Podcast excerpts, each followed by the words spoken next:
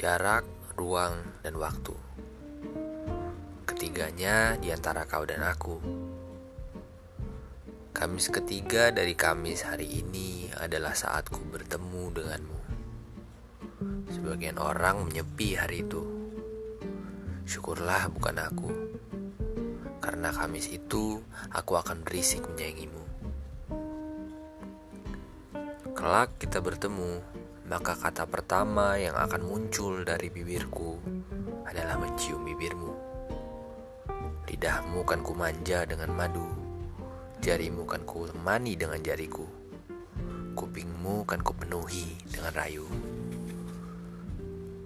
Jakarta akan menjadi milikmu hari ini, bisikku, dan kau akan jadi milikku berlalu-lalu. Hingga suatu saat setelah hari Kamis itu, hati teriakin tentang aku yang memang mencintaimu. Kendali tengok akan menyerah, mengikuti arah gaya. Mulut kan terbuka, bibir akan membaca apa yang lidah tulis. Leher yang terkunci akan luluh. Jika dua telapak yang tulus mendekap rahang, diikuti oleh mata yang menatap ingin Ciummu bagiku adalah gelora yang menjadikan jiwa membara.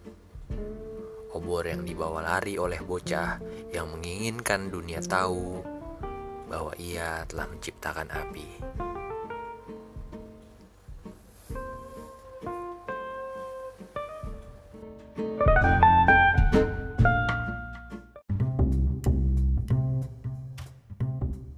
Halo, Terima kasih ya sudah meluangkan waktu dan gak bosan mendengarkan podcast Rakasya.